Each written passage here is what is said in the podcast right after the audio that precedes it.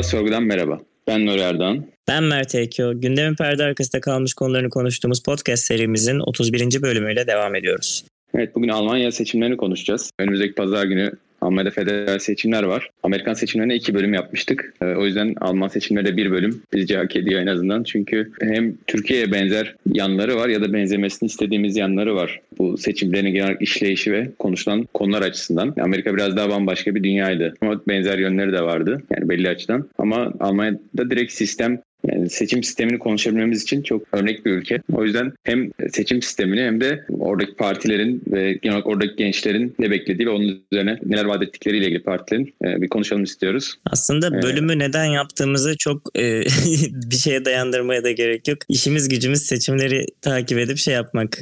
Hele ki Almanya gibi büyük bir ülkenin seçimi olunca bir süredir ona mesai harcıyoruz düzenli olarak. Tabii yani şu an şeyde hani bir Türk diasporasının da değil mi yani sonuçta en etkili oldu belki yani ülke olacağı için değil çok mantıksız değil. Neyse burada şimdi burada bizim seçimler diye bölümümüz var. Oraya da refer edelim. Orada daha detaylı anlattığımız böyle ufak hani Almanya'da oy verme şey işlemi nasıl işliyor? Bizden farkı ne? Sen anlat bize. Almanya karma bir sisteme sahip. Şöyle ki normalde seçim sistemleri liste usulü olabiliyor ya da dar bölge sistemi olabiliyor. Mesela Türkiye liste usulü e, nispi temsil üzerine bir seçim sistemine sahiptir. Burada Bursa milletvekili mesela Bursa birinci bölge 10 tane milletvekili var. İnsanlar partilere ya da bağımsızlara oy verirler. Bunun da belli bir hesaplama sistemi vardır. Mesela Türkiye'de bu DONT'tur. Dağılım buna göre belirlenir. Ama örneğin Birleşik Krallık'ta 650 sandalye 650 farklı seçim bölgesinden gelir. Her seçim bölgesi sadece bir tane milletvekili meclise gönderir. Böylece küçük partilerin daha azınlıkların sahip olduğu fikirlerin temsiliyeti kırpılır yapılmış olur. Türkiye gibi liste usulü olan yerlerde birinci, ikinci parti yani büyük partilerin altındaki partilerde özellikle il yeterince büyükse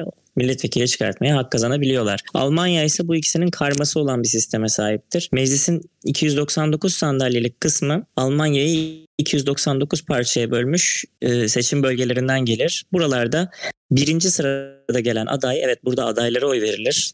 Partinin yani birinci kısımda 299 sandalyelik kısımda aday ismi ön plandadır. Birinciler Tıpkı belediye seçimlerindeki gibi Türkiye'de meclise girerler. İkinci fasılda ise bir Alman hem yerelde hem de işte partileri oy verdiği kısımda 299 sandalyeyi de Almanya'nın 16 eyaletini 16 seçim bölgesi gibi tıpkı Türkiye'de işte İstanbul bölgesi, İzmir bölgesi, Eskişehir bölgesi atıyorum gibi bölgelerde liste usulü milletvekillerini çıkarırlar. Burada bildiğimiz Türkiye'deki mantık uygulanır. Sadece Türkiye'de don't sistemi vardır. Bu biraz daha büyük partileri favor eden, lehine sonuçlandıran bir hesaplama metodudur. Almanya'da Senlage metodu uygulanır. Burada küçük partilerin avantajına olan bir durum, görece avantajına da olan bir durumla hesaplama yapılır. Almanya'yı eşsiz kılan bir durumda bu karma sisteme yaptığı bir müdahale var. Bu da seçimdeki oy oranıyla meclisteki sandalye oranını neredeyse aynı tutmasını sağlıyor. Bu sayede en adil seçim sistemlerinden biridir. Eğer bir parti, genellikle bunlar büyük partiler oluyor. İkinci oy verme faslındaki oy oranını üstünde sandalye çıkarttıysa birinci oy kısmında ilk 299'lukta burada onu dengeleyecek kadar diğer bütün partilere sandalye ekleniyor. Örnek vermek istiyorum. Almanya Hristiyan Birlik Partisi %30 oy aldı ama yerelde çok güçlü olduğu için birçok yerde birinci milletvekili çıkarttı ve mecliste %42 temsil ediliyor. Diğer yani o oy oranı %42'si %30'lara çekileceği %30 küsüre çekilene kadar e, diğer partilere sandalye eklenir. Bu yüzden Almanya'da normalde en az 598 sandalyeden oluşur dememiz lazım meclis. Şimdi 700 küsür sandalyeden oluşuyor. Bu seçim sonucunda 800 küsür sandalyeye çıkması olması tahmin ediliyor. Çünkü bu e, seçimdeki oy oranını meclise taşıyacak adilane bir sistem uygulamış oluyorlar. Bilmiyorum biraz uzun anlattım Nuri ama. Yok yok güzel anlattın. Hani Şimdi ben, çok eşsiz hani, bir seçim olduğu için. Yok bunu güzel anlatmam bence de önemli. Çünkü eğer bir gün bir sistem yapacaksak bence de yani dünyadaki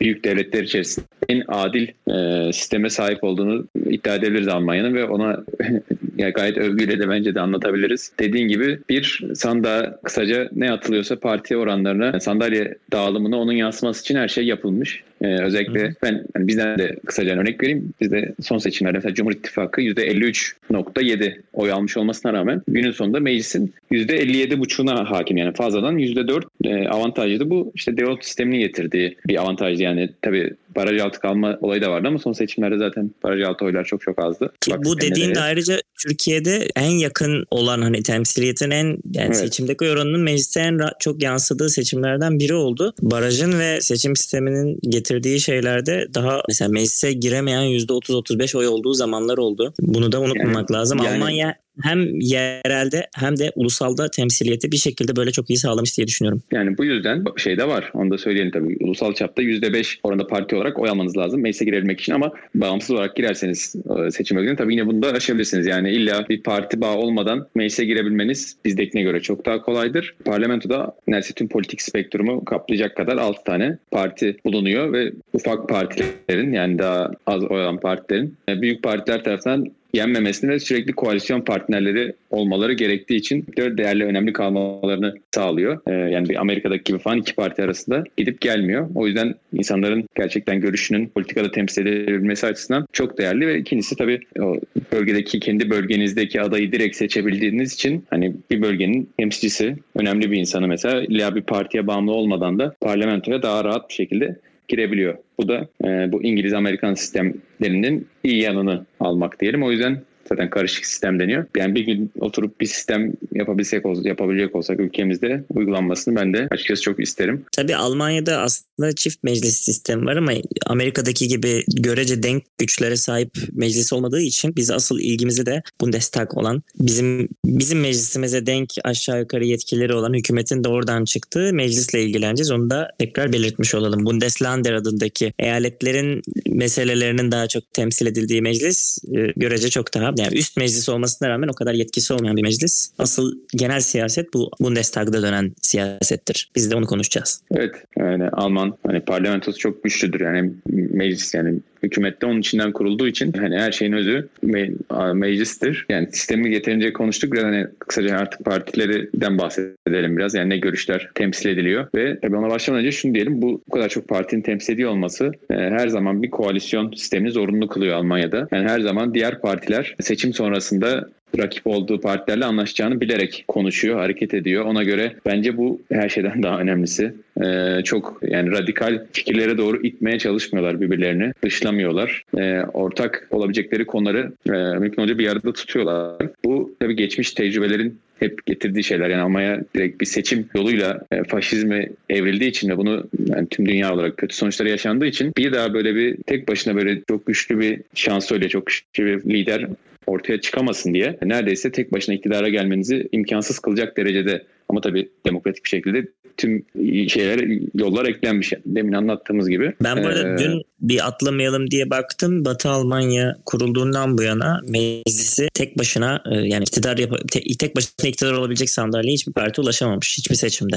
Evet yani aslında baktığın zaman mesela bizde de sürekli tek parti hükümetleri bizde çok var. Ama %50'nin üzerinde alan değil mi sanırım Demokrat Parti yani 1950 yıllarda yani aslında %50'nin üzerinde almadığı halde tek başına hükümet çok görüyoruz AK Parti olsun ANAP olsun. O tabii Vesaire. ba- seçim sisteminin yani hesaplama sisteminden ziyade barajın kendisiyle de alakalı bir durum onu da atlamayalım. O zaman böyle hani üstü kapalı gitmeyelim artık madem bu Evet. 6 e, meclise girmeye muht- yani muhtemelen meclise girecek partiyi veya birliği tanıyalım. Evet en büyükten başlanır. En büyükten başlayan bu Merkel'in de partisi olan Hristiyan Birlik Partisi bu. E, Bavyera'daki partinin de ayrı o yüzden ikisi e, birlik yaptığı için öyle deniyor ama aslında e, merkez sağ muhafazakar Hristiyan demokratlar. O da köken olarak hani İkinci Dünya Savaşı işte bitmiş hani çok kötü bir faşizm tecrübesi yaşanmış.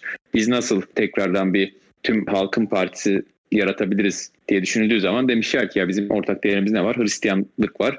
O yüzden e, birçok görüşten insanı biz Hristiyan Demokrat diye bir parti kurarak bir araya getirebiliriz demişler ve parti o şekilde ortaya çıkmış. E, o yüzden adı Hristiyan. Yani bu parti biraz daha merkez ve merkez sağ fikirlerine odaklanıyor. Ama bu tabii o bir de ortaya çıkardıkları şansölye yani başbakan olacak e, adayın geçmişiyle ve fikirleriyle seçimlerden seçime bazen değişiklik gösterebiliyor. Yani mesela şu anki çıkardıkları aday olan Laschet e, en büyük eyalet olan Nordrhein-Westfalya'nın başbakanı ve bence batıdan geliyor. Biraz daha mesela Güney Bavyera eyaletine göre CDU'nun içindeki daha liberal tarafın bulunduğu bir bölge. O yüzden kendisi de zaten muhafazakardan öte biraz da liberal tarafa yakın parti içerisinde bir aday.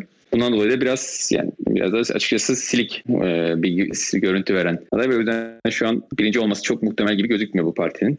Ki aslında son 16 yıldır e, birincilerdi. Şey de belirtelim mi? Bu Merkel'in partisiydi. Merkel şu an e, anketlerde %80-90 arası bir approval ratingi olan e, destek gören bir lider. Görevini bırakıyor. Kendisinden sonra birini işaret etmedi. Laşet yani şu olacak bu olacak da demedi. Yani öyle bir mirasın üzerine gelmedi. Fakat partisinin oy oranının bile altında bir e, halk desteği olduğu ile ilgili anketler var. Kendi partisi içinde bile çok fazla karşıt insan var onun liderliğine. Zaten yeniden yapılanma yolunda birlik diyelim. Hristiyan birlik muhtemelen bu liderlik eksikliğinden de çekecek gibi ben dışarıdan görüyorum. Bilmiyorum katılır mısın?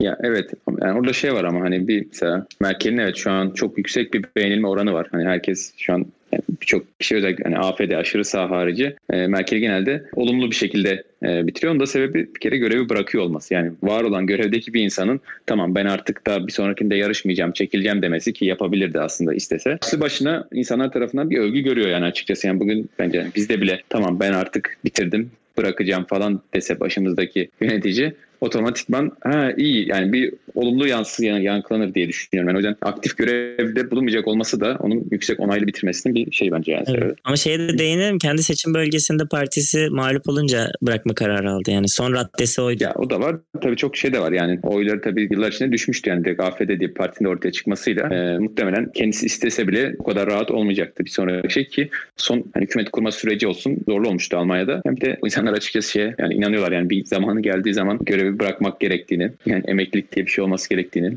yani siyasetin hayat boyu bir iş yapım olacak bir iş olmaması gerektiğini falan bile insanlar bence neyse. Yani bu şekilde sürekli o zaman bizi, bizi atıf yaparak gidebilir. Yani, Dilersen şey yapalım. Oranın ikinci büyük partisine geçelim. Evet. Sosyal Demokrat Parti, SPD olarak kısaltılır. O ikinci parti geleneksel olarak da çok zaten başbakanlar genelde bu iki partiden çıkmışlar. Tabii Sosyal Demokrat Parti şey kadar birinci parti olamamış tarihte işte Batı Almanya'nın kuruluşundan bu yana. Birlik kadar çok fazla birinci parti çıkamamış ama eski bir parti e, bu arada. Yani 1880'lerden e, itibaren falan. Hatta şöyle partisi. biz bu, bunu derste görmüştük. Bu bayağı hani Sosyalist Enternasyonel'in de bir parçası olarak bir hareket bu Sosyal Demokrasi Hareketi Almanya'da. Bu da ek bilgi olarak dursun. E, bunlar hatta şeye de inanıyorlar. Küresel hareket olarak sosyal demokrasi, sosyalizm Avrupa'da test edilecekti. Bu internasyonel toplantılarında Hollanda'da falan da şeylerle çok kavga ediyorlar. Fransa'daki solcularla, İtalya'daki solcularla bunlar. Çünkü milliyetçiliği kendilerine temel unsur olarak alıyorlar. Yani önce ülke halkı ikna olacak da bu dönüşüm sağlanacak sonra küresel olabilir ancak diye. Ee,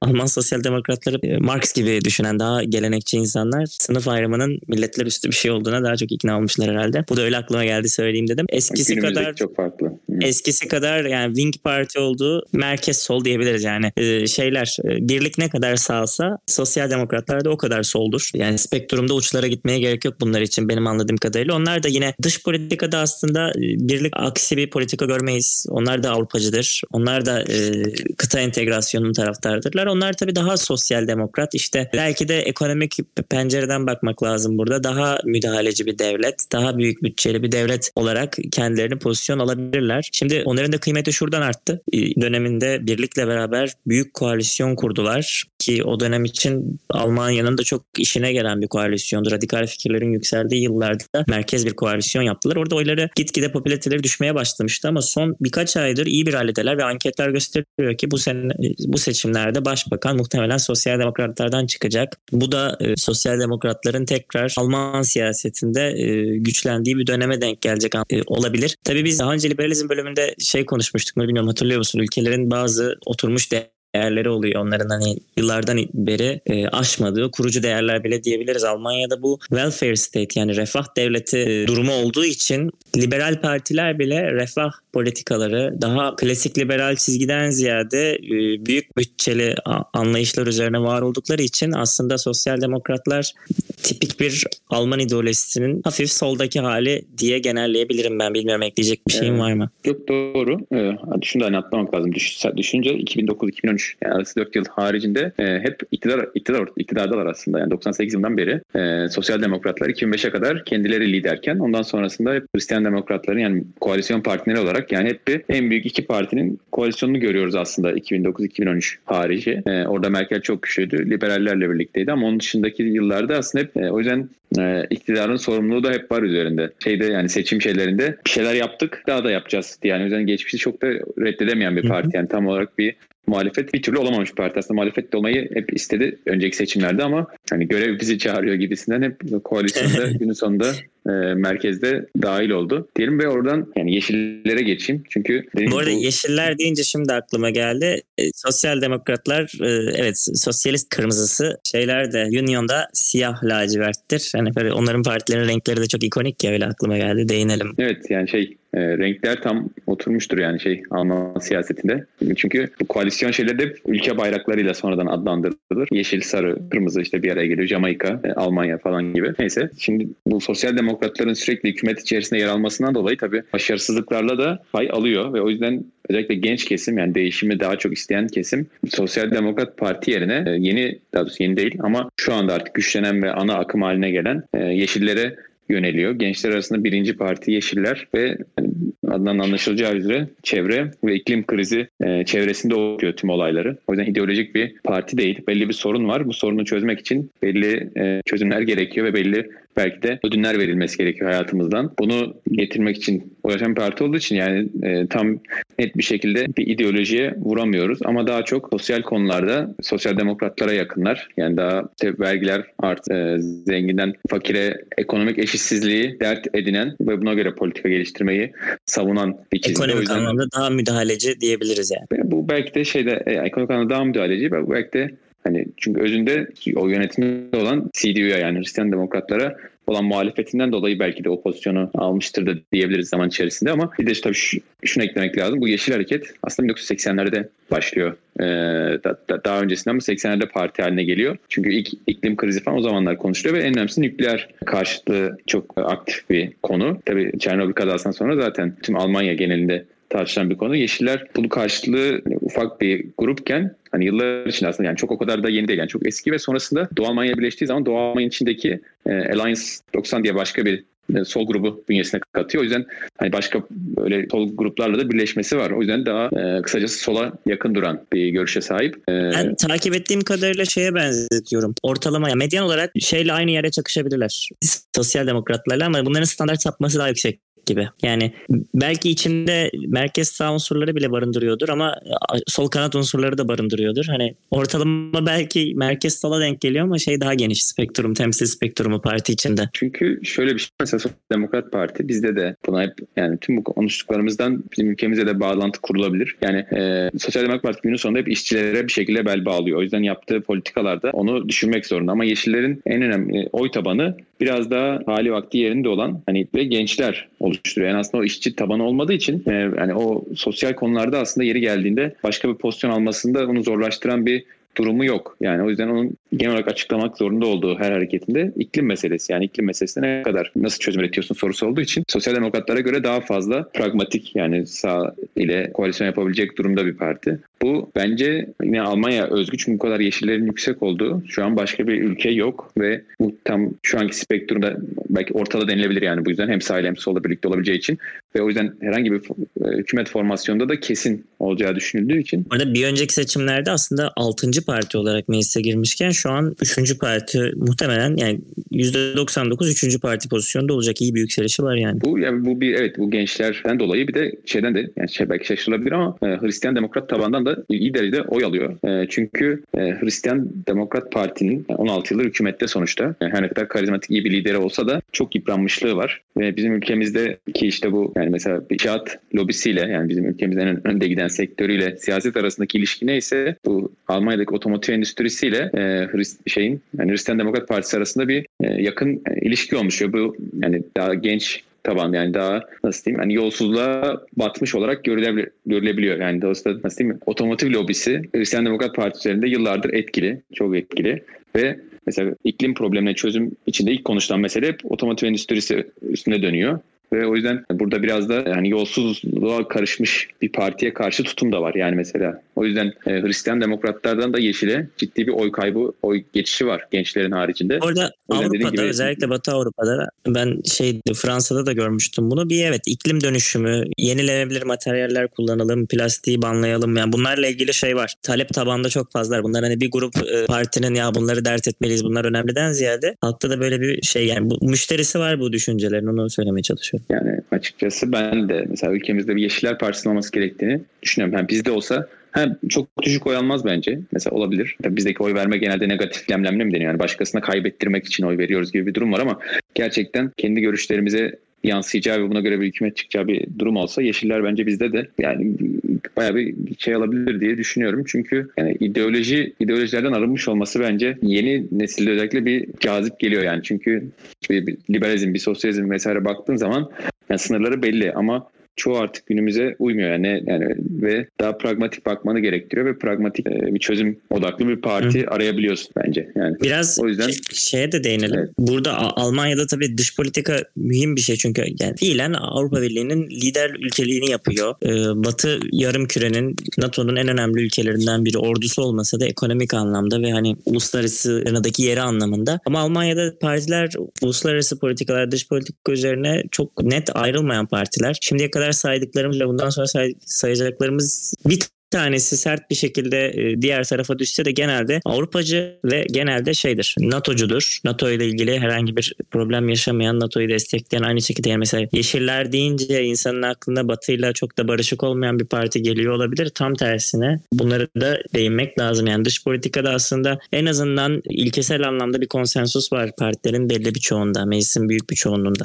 Ya tabii dış politikayı yani insan hakları çerçevesinde gördükleri için özellikle Almanya, işte Rusya, Çin'e karşı diğer Batı ülkelerine göre daha ortada duran, çıkar gözüyle bakan bir ülke olarak e, bu ülkelere karşı e, insan hakları gözüne bakmayı da önemseyen bir parti. O yüzden kesinlikle e, pro-Atlantik bir parti. Evet bu dediğim gibi biraz şey yani geçmişinde bu kadar yok belki özellikler ama günümüzde en çok önem verdiği meselelerden bu. Mesela biri bu. Yani yeşilleri hani sürekli iklim konuşacağını düşünürüz. Doğru önemli ama şu an mesela tartışmalarda falan en çok girmeye çalıştı ve kendini atmaya çalıştıkları konu dış politika savunma. Yani çünkü insanlar en çok onunla eşleştiremediği için yani bir yeşil savunma bakanı nasıl olacak falan filan.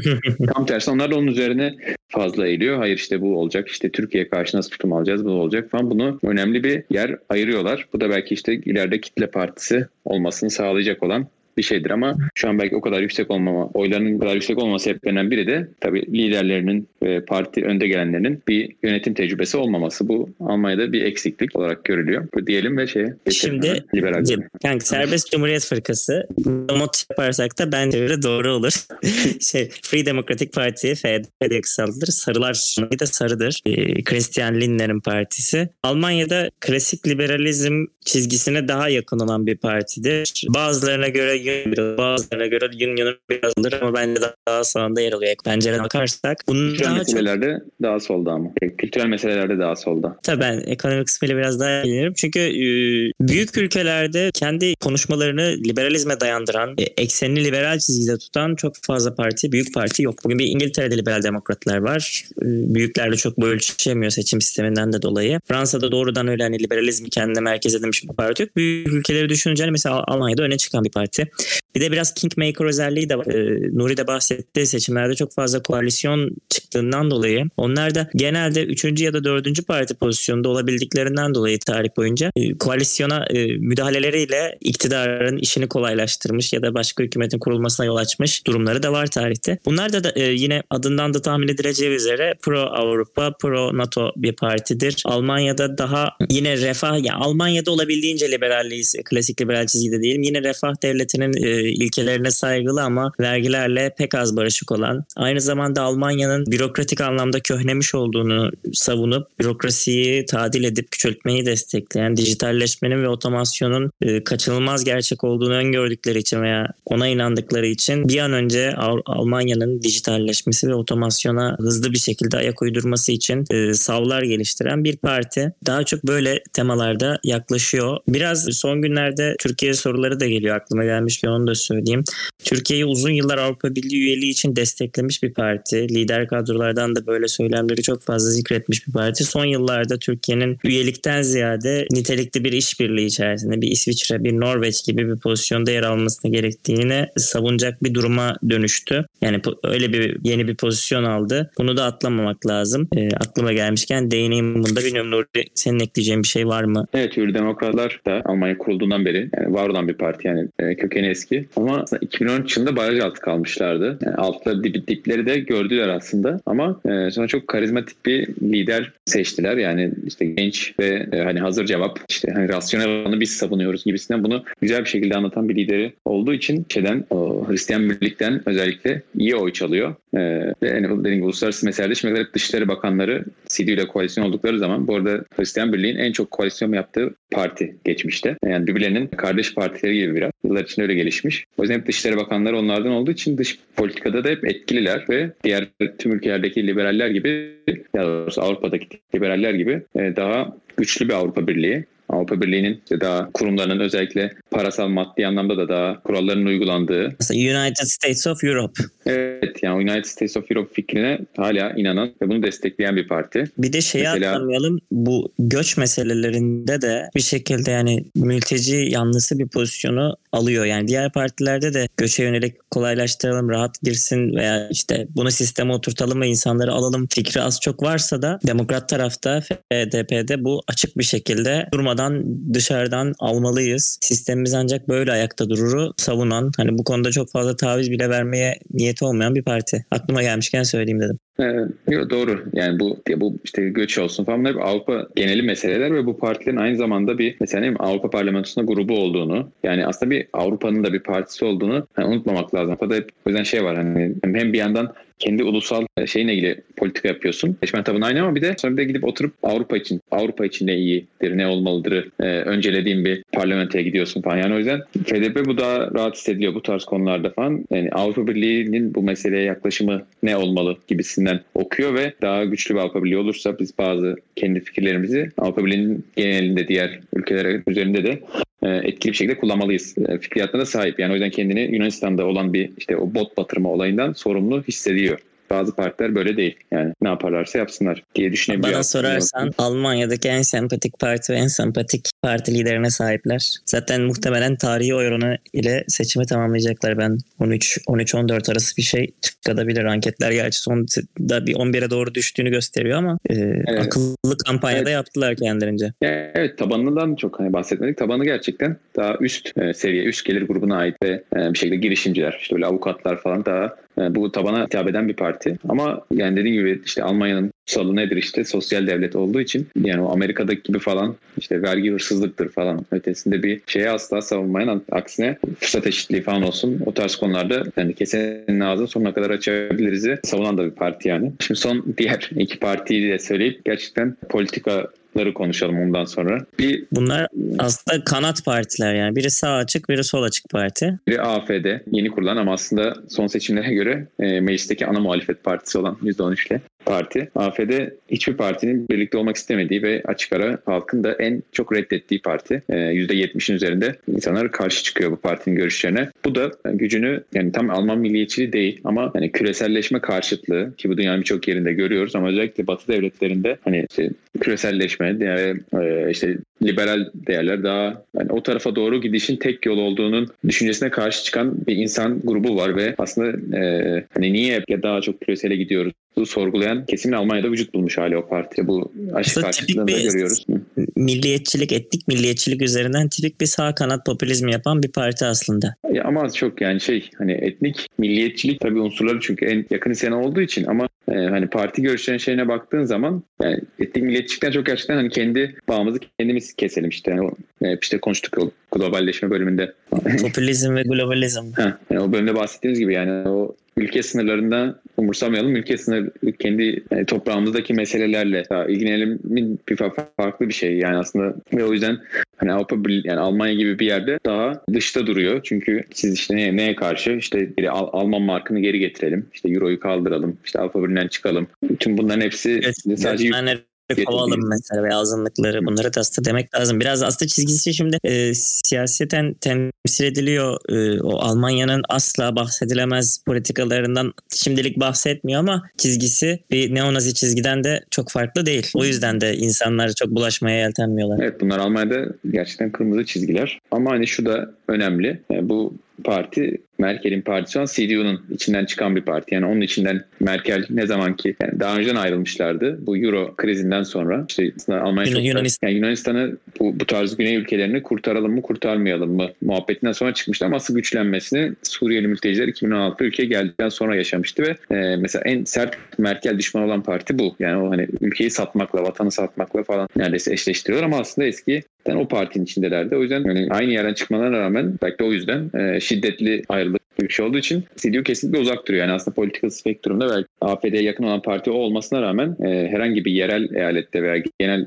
seçimlerde tamamen birbirlerine rakipler ve şeylere işbirliğine kapalılar. O yüzden AFD ile hiçbir Aslında şeyde, işi yok. Şeyde söyleyelim 2015'te o büyük koalisyon kurulmadan önce aslında e, Hristiyan demokratlar Merkel e, AFD'yi yanına alarak bir sağ ittifakı da kurabilirdi. Buna buna rağmen gidip büyük koalisyonu kurdu. Hatta o, o koalisyonu o kadar büyüktü ki Almanya'da bayağı bir anayasa değişikliği de yaptılar o ara. Ee, yani Merkel yolunu merkezden yana çekince zaten görece e, geçinebilme ihtimali olan tek parti olan e, parti onlara sırt çevirince tırnak içerisinde siyasetten aydıl bir şekilde aşırı sağda pozisyonlanmış oldular. Tabii e, bunu kanat partiler daha çok kendilerini eğip büken partiler de değil. Mesela bir Yeşillerdeki veya e, Demokratlardaki şey tavır da yok. Merkez siyasetin bir parçası olalım. Yeri geldiğinde o savunduğumuz değerlerin konsensusuna varalım. Vergi politikaları olur, iklim politikaları olur vesaire ama bu birazdan bahsedeceğimiz sol partide de AFD'de de böyle bir eğilip bükülme çok fazla yok. Yani dediğim dedik e, asla olmayacak e, fikirleri halen e, bu olmazsa biz yokuz tarzı savunan partiler olduğu için yani çok siyaset de yaptıkları yok. Sadece bayraktarlık yapıyorlar. Yani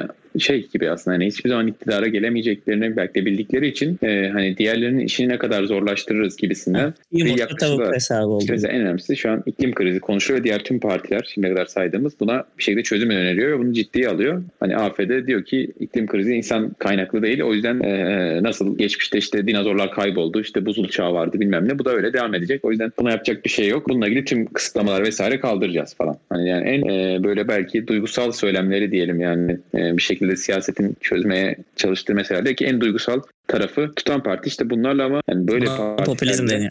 popülizm deniyor doğru aslında. Bunlarla nasıl mücadele edilmesi gerektiğini aslında yine en iyi gösteren bence ülkelerden biri Almanya. Yani hem kanunlar anlamında AFD'nin her hareketi e, inceleniyor ve sıkıntılı tipler araştırmaya alınıyor yani. Hem de dediğim gibi partiler e, AFD karşısında birleşebiliyorlar. Yani öyle ki Doğu Almanya'da çok güçlü AFD ve bazı eyaletlerde %30-35'in üzerinde oy alıyor. Mesela birinci çıkıyor ama yani e, Yeşili, Liberali falan hepsi birleşip onun karşısında bir hükümet kuruluyor. Yani belki çok e, garip bir hükümet oluyor 3-4 partili falan ama kur, kuruyorlar yani. Onu bir zaman daha AFD herhangi bir yerde hükümete getirmediler. E, mesela Saksonya eyaletinin çok güçlü olmasına rağmen yani diğer partilerin böyle aşırı fikirler karşısında bir araya gelmesi ve bence demokrasinin yine olmazsa olmazlarından biri. Onu sadece görüyoruz. Diyerek diğer bir de bunun sol, sol kanadı var. Ha, sol parti e, o da aslında adından anlaşılacağı gibi sosyalist, komünist çizgili bir parti. O da sol kanat popülizmi yapıyor. Aslında AFD'nin simetriği diyebiliriz spektrumda. E, bu parti diğer partilerin gitmediği bir yoldan giderek e, batı Batı'ya karşı e, bir ön yargılı ve şey düşmanlık besleyen tırnak içerisinde NATO'dan ayrılmak gerektiğini savunuyor Almanya'nın ki Almanya'da NATO desteği e, muhtemelen Amerika Birleşik Devletleri kadar yüksektir. E, aynı şekilde Avrupa Birliği'ne karşı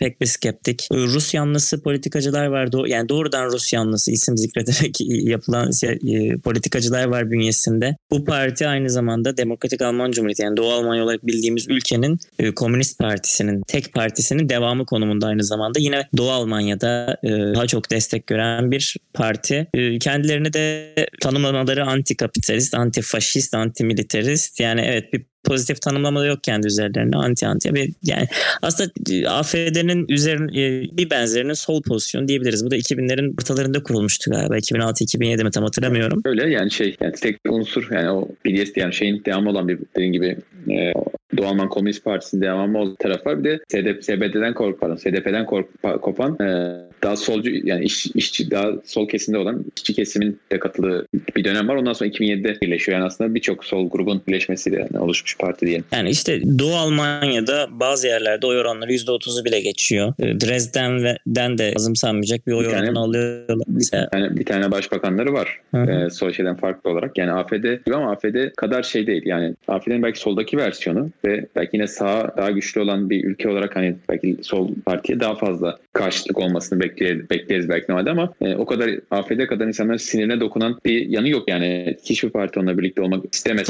Ya bir de şey dikkatimi çekti o Alman seçimlerindeki yani geçmiş seçimlerdeki performansını ısı haritası gibi açınca komünist işgaline maruz kalan Almanya'da %20'ler hatta bazı yerlerde 30'dan fazla yine Berlin'in de doğusunda 30'lar civarında alırken batı tarafından işgal edilmiş Almanya'da 0 ila 5 alıyor pek çok yerde. Bazı yerlerde %10'ları buluyor. Fransa işgali altında durmuş 49'da Almanya'ya bağlanmış Sağır bölgesinde de azımsanmayacak ikinci, üçüncü parti konumlarına geliyor. Hani onlar dikkatimi çekmişti. Çünkü bu biraz bölümün dışında ama Polonya seçimlerine falan baktığımızda da mesela Alman işgali altında kalan bölgelerle e, komünist işgali altında kalan bölgeler şu anki parti dağılımlarını da gösteriyor az çok. Mesela son seçimlere bakınca ittifaklar nereden ayrışıyor? İşgal bölgelerinin haritasına benziyor. Bunlar etkiliyor belki de. Yani işgalde şey hani e, Prusya'nın altında yıllar boyu kalmış bölgeler daha genelde progresif tarafa oy verirken evet.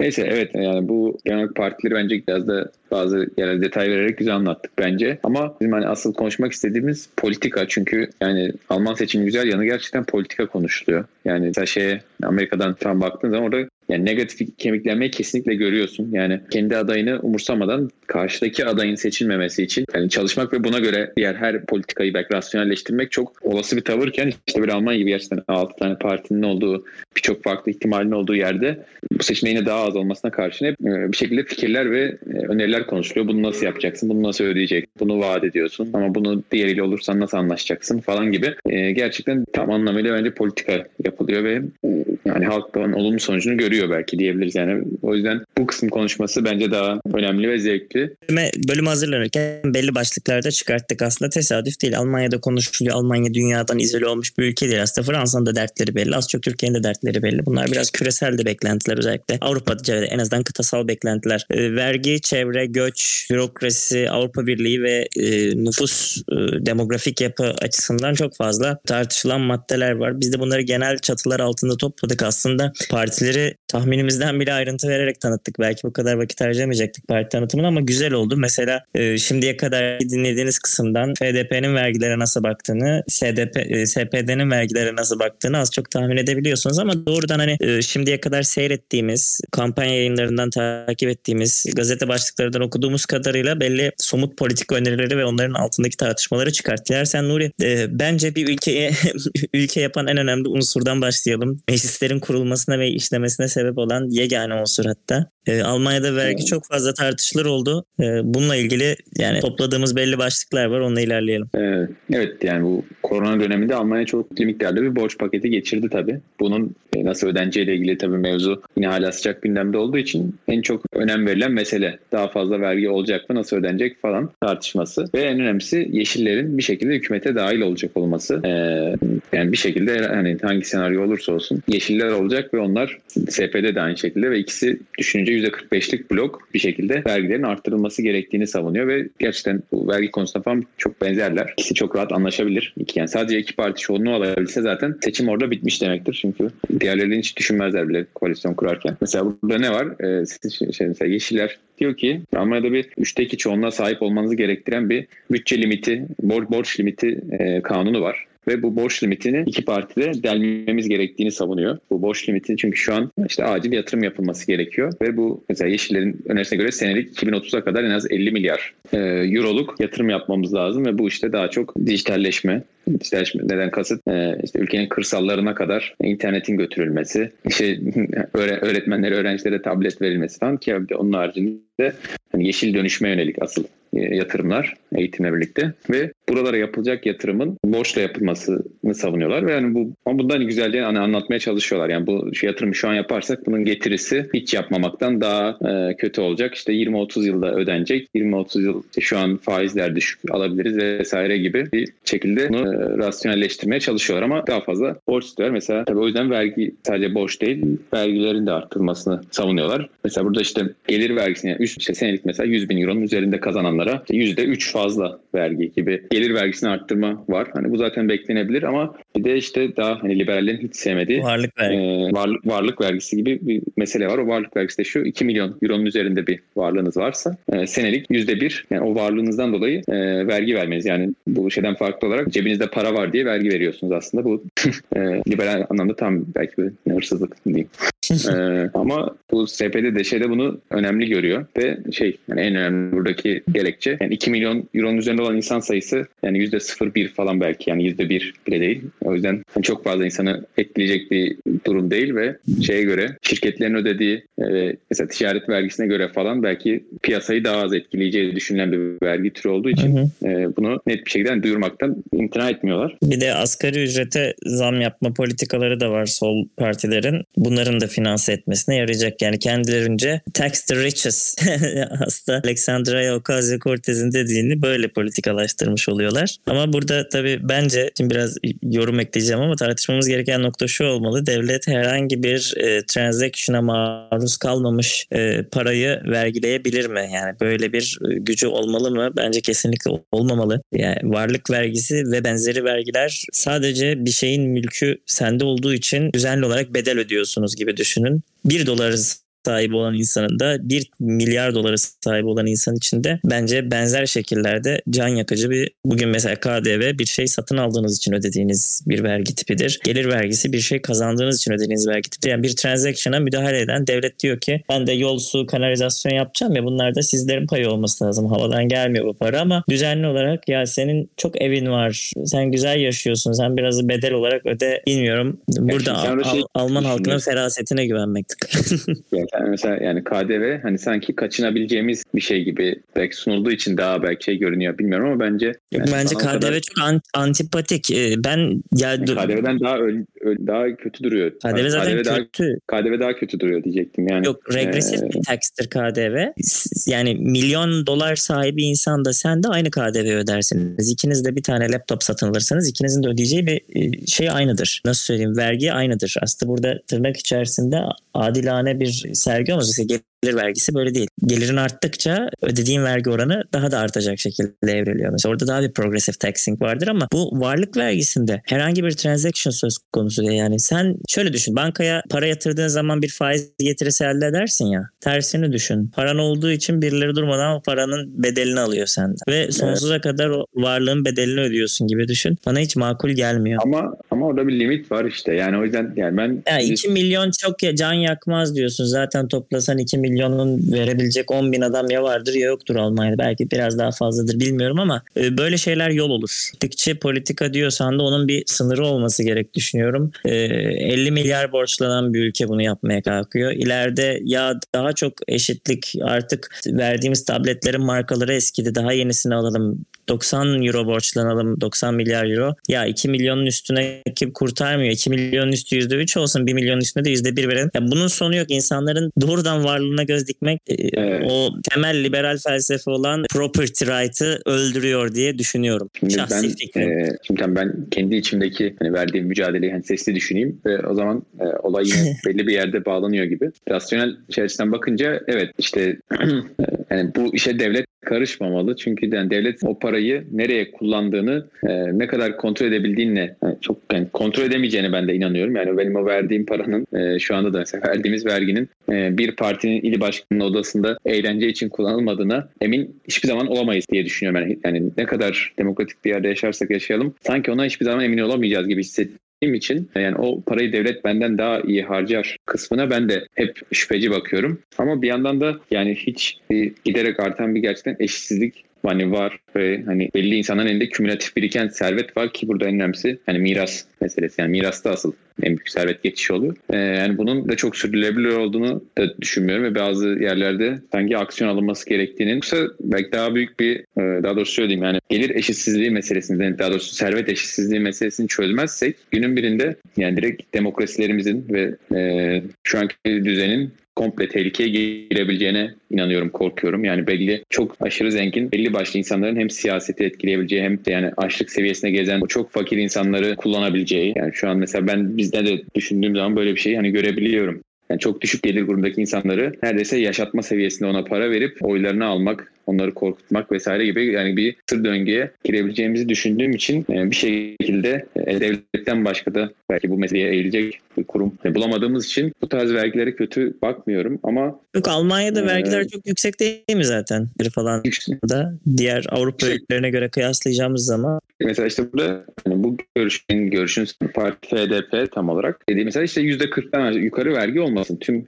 gelir vergisi %40 olsun. Şu an %46 falan sanırım. Yani onu indirmeyi vaat ediyor. Ee, şey de işte Yeşiller 100 bin üzerindekileri hatta artı %3 koyalım. diyor. O da ne oluyor mesela işte senelik 150 bin euro kazanan insan bir 1500 falan yapıyor yani 100 binin üzeri. Yani 1500 euro ekstra verecek. O da hiçbir şey değil diye bakıyorlar ama ya ben e, Ee, yani- output'u da daraltan bir şey olduğu için bir şeyleri vergiyle çözmeyi mantıken problemli buluyorum. Hani e, bütçeyi büyüterek çözmekten ziyade e, farklı yollar yani o mesela vergi yerine teşvik daha güzel daha sempatik bir kelimedir. Daha az masraf çıkarsın devlete. Bir de aradığımız şey gerçekten çok fazla eşitlik mi olmalı ondan da emin değilim. Ama sonuçta seçime bir karar vermiyoruz. Almanya'da gerçekten önemli bir olmuş bunun üzerine. Bak bizi de tartıştırdı bu kadar. Yok, Genelde üzerinden- zaten vergi dedi. Yani seçmenin birinci kaygısı da vergidir. Yani sonuçta insanlar neden oy veriyor? Yönetime katılıp paraların doğru yere harcandığından emin olabilmek için. Kimse vergi yani vergi vermeyen oy da vermez zaten diye düşünüyorum. şimdi Tabii buradan bu başlıkta şeye gelelim. Ver, Tabii. verginin cezalandırıcı bir siyaseten bir araç olarak kullanıldığı durumlar da var. Örneğin çevre yasaları çevreyi kirleteni cezalandırıcı bir şekilde vergi impoze etmek. Bu Almanya'da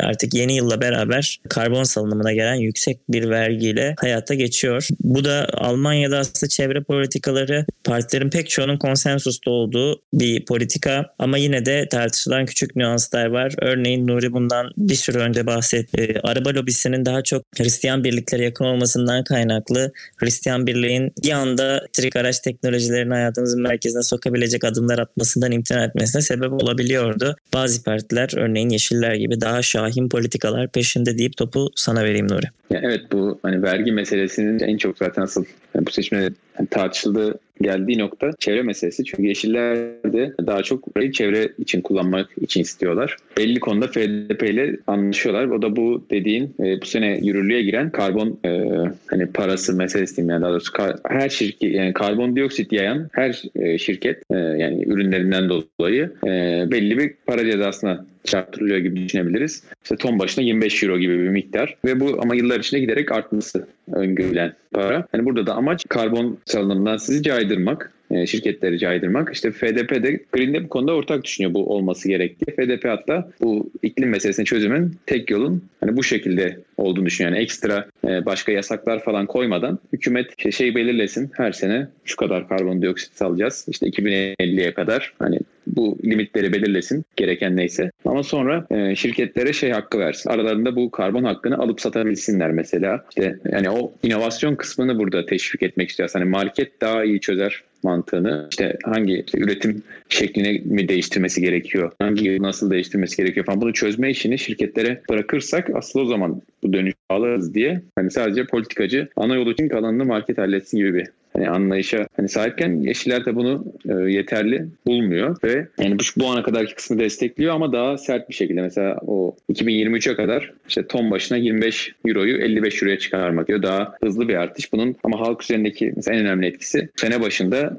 bildiğimiz benzine litresine 7 sent sırf bu karbondan dolayı zam gelmişti. Bu çok dramatik bir şekilde 30 sent artacak mesela yani e, sizin benzin parası 2023'te şu ankinden 30 sent fazla olacak ve bu para tamamen çevreyi kirlettiğiniz için alınan vergi olacak. Yani Yeşiller bunun bu şekilde hızlı bir şekilde artırılmasını istiyor ki insanları bir an önce hani araba kullanmaktan Bu vazgeçsin. arada Ama şeyi hatırlayalım Fransa'daki o Hitler eylemlerinin sebepleri de artan petrol fiyatları çünkü bu yöndeki vergilendirmeydi. Yani çıkış noktası buydu insanların hükümetten hoşnutsuzluğu vesaire ama Fransa'da gerçi birilerinin sokağa inmesi daha alışılmış bir durum diğer ülkelere göre belki ama yine de hani at- atlama noktası buydu. Şimdi bunun bir enflasyon yaratacağı zaten aşikar. Ondan dolayı zaten mesela liberaller enflasyona karşı her zaman şüphecidir. Ondan dolayı zaten bir karşılık karşılık var. Hızlı bir fiyat artışı olacak diye. Bir, bir ikincisi tabii işte burada mesela yani kırsalda kalan insan mecburen arabaya binmesi gerekiyorsa ne yapacak? Hani o e, o bir şekilde zarar kötü etkilenecek gibi bir anlaşma var ama şunu ekleyelim bu şey konusunda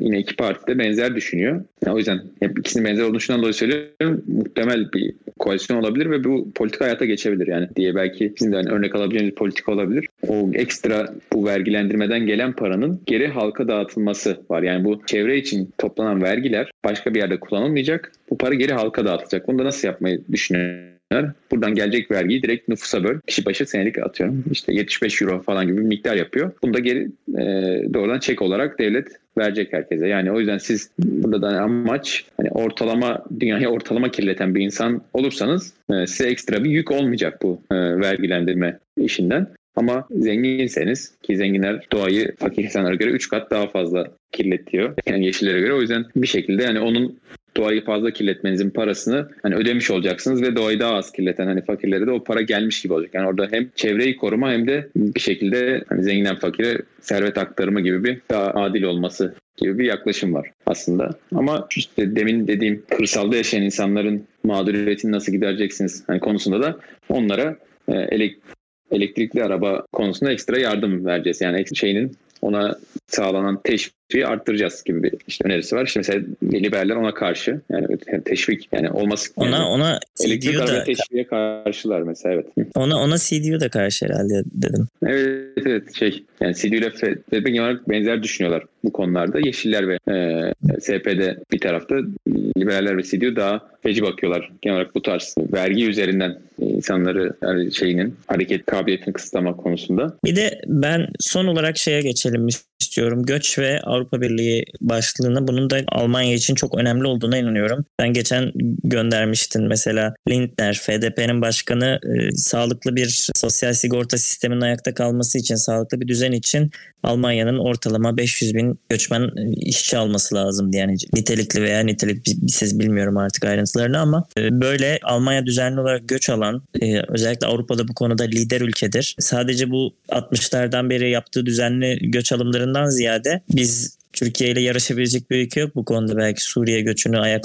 kaldırmak için ama Almanya'da gerçekten şu an 1,5 milyona yakın Suriyeli insan yaşıyor. Ee, Almanya'da gerçekten sınırlarını çok fazla zorlayarak çok fazla mülteciye ev sahipliği yapıyor şu an. Bunun da bir aksiyonu oluyor. Mesela AFD gibi bir parti söylemlerini Avrupa Birliği'ndeki fakirleri mi besleyeceğizden şeye artık Suriye'nin şeyin burada ne işi vara e, çevirmiş durumda bir kolay bir hedef tahtası olarak orayı test ediyor. Geçen göçle ilgili bir yaptığımız bölümde de konuşmuştuk bunu. Türkiye üzerinde konuştuk daha çok da. Genel olarak düzenli göçe ve yıllar içerisinde Almanya'nın Alman olmayan vatandaşlarla e, istihdamını büyütmesine bu dört merkeze yakın parti okey durumda ama bazıları bunu daha çok gündeminde tutup bunun vazgeçilmez bir değer olabileceğini savunuyor. Yani hani FDP şey yani savaş durumu varsa tabii almalıyız ama savaş bittikten sonra geri dönmeli. Daha o kontrollü savunuyor. Bu konuda en hani ilerici diyeyim yani en yarısı mülteci yanlısı şey Yeşillerde. Yeşiller hani bu herhangi bir işte hangi ülkeden geldiğine hiçbir şekilde bakılmasın. Kota falan uygulanmasın ve işte bu deport edilmesin insanları savunuyor ve şu an mesela bu deport konusunda hangi kriterlere bakılsın ayrı bir tartışma konusu. Konu işte merkez partiler tabii biraz daha kontrollü. Yani SP'de de öyle. Ya mesela oradaki şey tartışma işte suç işleyen birini hemen deport mu edelim yoksa Alman sisteminde yargılayıp normal bir Alman yapsa aynısı olacakmış gibi işte hapiste yatsın ama sonra normal devam etsin hayatına gibi mi olsun yoksa şu an yani genel kanı hep biri suç bir mülteci suç işlediği zaman e, anda bunun geri ülkesine gönderilmesi ne olursa olsun gönderilmesi şeyine dayanıyor. Yani, yani bu fikir hakim. İşte mesela bu konuda işte biraz hani hangi kritere göre geri göndermeliyiz gibi tartışma var ama hani şurası net artık bir daha böyle bir düzensiz göç kesinlikle olmamalı. Hepsi düzenli kontrollü olması lazım. E, işte politik sebeplerle falan ülkesine baskı gören insanlara e, hani hangi kriterlere göre sığınma hakkı verilmesi lazım gibi konular da yani farklılaşıyor aslında. Ama düşünce yani çok da partiler arası çok çok büyük de bir aslında ayrım yok. Yani o yüzden yani dış politika konusunda hangi hükümet gelirse gelsin çok bir değişiklik olmayacak aslında ama hani biraz geçmişte nasıl diye yani konuşabiliriz Türkiye özelinde. Türkiye'nin Avrupa Birliği'nin bir parçası olabileceğine inanan ve isteyen partiler Yeşiller ve SPD olmuştu hep aslında. 98-2005 arasında bu iki parti hükümetteyken Türkiye iyi değerlendirdi ve Avrupa Birliği aday oldu. Aday oldu. Yani o, o adaylık sürecini başlattı. Ondan önceki asıl e, şeyleri yaptı. E, fasılları halletti ama sonrasında Hristiyan demokratların gelmesiyle ve tabii Fransa'da Sarkozy vesaire. Türkiye kendisi istese bile üyelik süreci bir nevi durduruldu aslında. Çünkü Hristiyan Demokratlar Türkiye kesinlikle biz başta olduğumuz sürece Türkiye girmeyecek. Avrupa Birliği'ni savunan ülkeydi. Yani o yüzden daha sola yakın fikirler fikirler ancak Türkiye'nin olması gerektiğini savunuyorlar. Ama Artı şeyi de atlamayalım. Mesela liberal liberaller de Türkiye yanlısı hatta bazen gündem ederek bunu da şey yapmışlardı. Üyelik destekçisiydi ta ki 2-3 yıl önceye kadar artık ortaklık destekçisi. Üyelik değil de doğrudan İsviçre, Norveç gibi değerlendirme peşindeler. Ee, Evet yani açıkçası benim hani görüşüm de. Yani Türkiye hiçbir zaman herhalde Avrupa Birliği üyesi olamayacak ama yani düzgün bir, bir politika işlenirse ileride iş, ilişkileri olursa işte şekilde vize hani vizesiz seyahat işte tam o ekonomik toplumun içine girme gibi konular ancak. Hani gümrük birliğine tam katılım gibi konular ancak şey olabilir gibi geliyor. Maalesef diyelim ama bu konuda hani Yeşil veya SPD içinde olduğu bir hükümet belki daha en azından biz Türkiye halklarını önceleyen bir politika yürütebilir diyeyim. Hı hı. Tüm bu partilerin ortak özelliği şu anki yönetimle iyi anlaşamamaları ve o yüzden e, hani ama burada hani biz şimdi Türkiye'yi dışladığımız zaman e, onu bir şekilde insan yerine koymadığımız zaman diyelim Türk halkını mı cezalandırıyoruz yoksa siyasi iktidarı mı cezalandırıyoruz konusunda bir şekilde hani kararsız olmaları ve ama günün sonunda e, Türk halkını cezalandıracak politikaları seçmeleri aslında. Bunu işte e, dediğim gibi göçmenlik bölümünde işlemiştik yani. E, o yüzden hani bu konuda en en azından hani hükümet karşıtı politikayı seçecek olan da daha sola yakın partilerden öyle demek istemiştim. Anladım.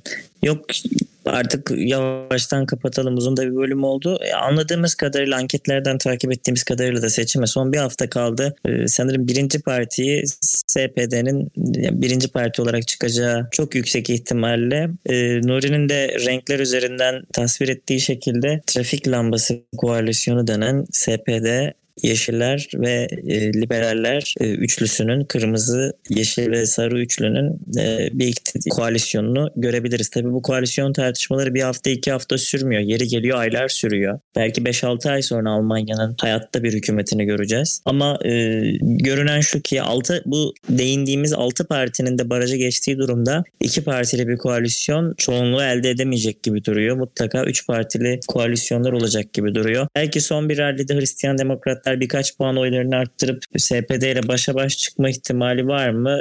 Artık anket firmaları pek fazla olduğunu söylemiyor. Yıllar sonra Merkel'in partisinin muhalefete düştüğünü belki de yeniden yapılanma sürecine girdiğini göreceğiz gibi duruyor. Bilmiyorum eklemek istediğim başka bir şey. Ee, yani yok dediğin gibi seçimden sonra hani bambaşka tablo olabilir koalisyon görüşmeleri konusunda. Ya bizim Ya, en azından bizim seçimimiz gibi e, koalisyonlar önden belli değil. Koalisyonlar seçimden sonra tamamen partilerin yürüttüğü e, bir şekilde ilerliyor görüşmeler şeklinde. Bu 16 eyaletin bildiğim kadarıyla 16'sı da koalisyonlarca yönetiliyor. Yani bu saydığımız 6 partinin AFD dışındaki 5 parti bilmiyorum Linke'nin koalisyonu var mı ama ha, bu 5 partinin farklı kombinasyonlarla farklı eyaletlerde bir araya geldiğini ve oranın işleyişinin bir küçük de olsa bir model olduğunu biliyoruz. Yani e, şu partiyle şu parti yan yana gelse nasıl olurun karşılığı Almanya'nın bir bölümünde yaşanmış oldu şimdiye kadar bir son yıllarda. O da e, aslında bir gösterge. Aklıma gelmişken ekleyeyim dedim. Evet yani bu her bir koalisyon ihtimali önce şeye bakılıyor. Yani biz federal seviyede böyle bir şey denendi mi diye yani o da yine önemli bir artı ve e, gerçekten hemen hemen hepsi denendi ve bir şekilde bir eyalette işliyor. Ve ama sol partinin direkt başbakanı olan da bir eyalet var. O yüzden hemen hemen her şey denendi denebilir evet. O zaman bu uzun bölümümüzü e, kapatalım. Şunu da ekleyeyim. E, Nuri Almanya'ya neden bu kadar ilgili, nasıl bu kadar şey takip ediyor derseniz Alman seçimlerinden birkaç gün sonra Almanya'ya geçiyor artık. Yolu açık olsun onun da. E, o yüzden yer- yerinden de bildirir. Mesela Nuri gittikten bir ay sonra bir Almanya özel bölümü yaparız. Münih'te hayat nasıl gidiyor diye. Nuri orada da kesin siyasetini anlatır bize. Zaten başka neyle ilgilenecek değil mi Almanya'da? Biz artık öyle çalışıyor kafalar. Umarım öyle olmaz. Tabii o, ya en azından Oktoberfest ile ilgilenirsin. Onun da Eylül'de olması dışında bir sıkıntı yok ama işte. Aa doğru. Şu an Eylül'deyiz. Neyse. Almanya seçimlerini konuştuk. Bundan bir hafta sonra seçimleri göreceğiz. Aslında biraz e, suya yazı yazmaya çalışmadan konuşmaya çalıştık. İlk kısmında Alman seçimlerinin sistemini örnek vererek anlatmaya çalıştık. Güzel, unik bir sistemi var. Daha sonra Almanya'nın partilerini tanıdık. Siyasi spektrumdaki yerlerine yerleştirdik. Daha sonra da Almanya'nın üzerinde tartıştığı politikalar üzerinde bu siyasi partilerin konumlarını ve seçmenin neye göre tavır aldığını kendimizce yorumlamaya çalıştık. Uzun bir bölüm oldu ama seçim görünce gerçekten dayanamıyoruz. Bakalım bundan sonra e, nerenin seçimi bizim dikkatimizi çekecek. Yakında Kanada'da seçim var. Öyle bilmiyorum takip edecek misin? yok oraya göçmek gibi niyetim yok. ben de yani o sayılarla uğraşayım yeter. Ekran parçalanıyor ve istatistik yağıyor ya. Dünyanın en eğlenceli şeylerinden biri. Bu bölümlük bu kadardı. Bizi dinlediğiniz için teşekkürler.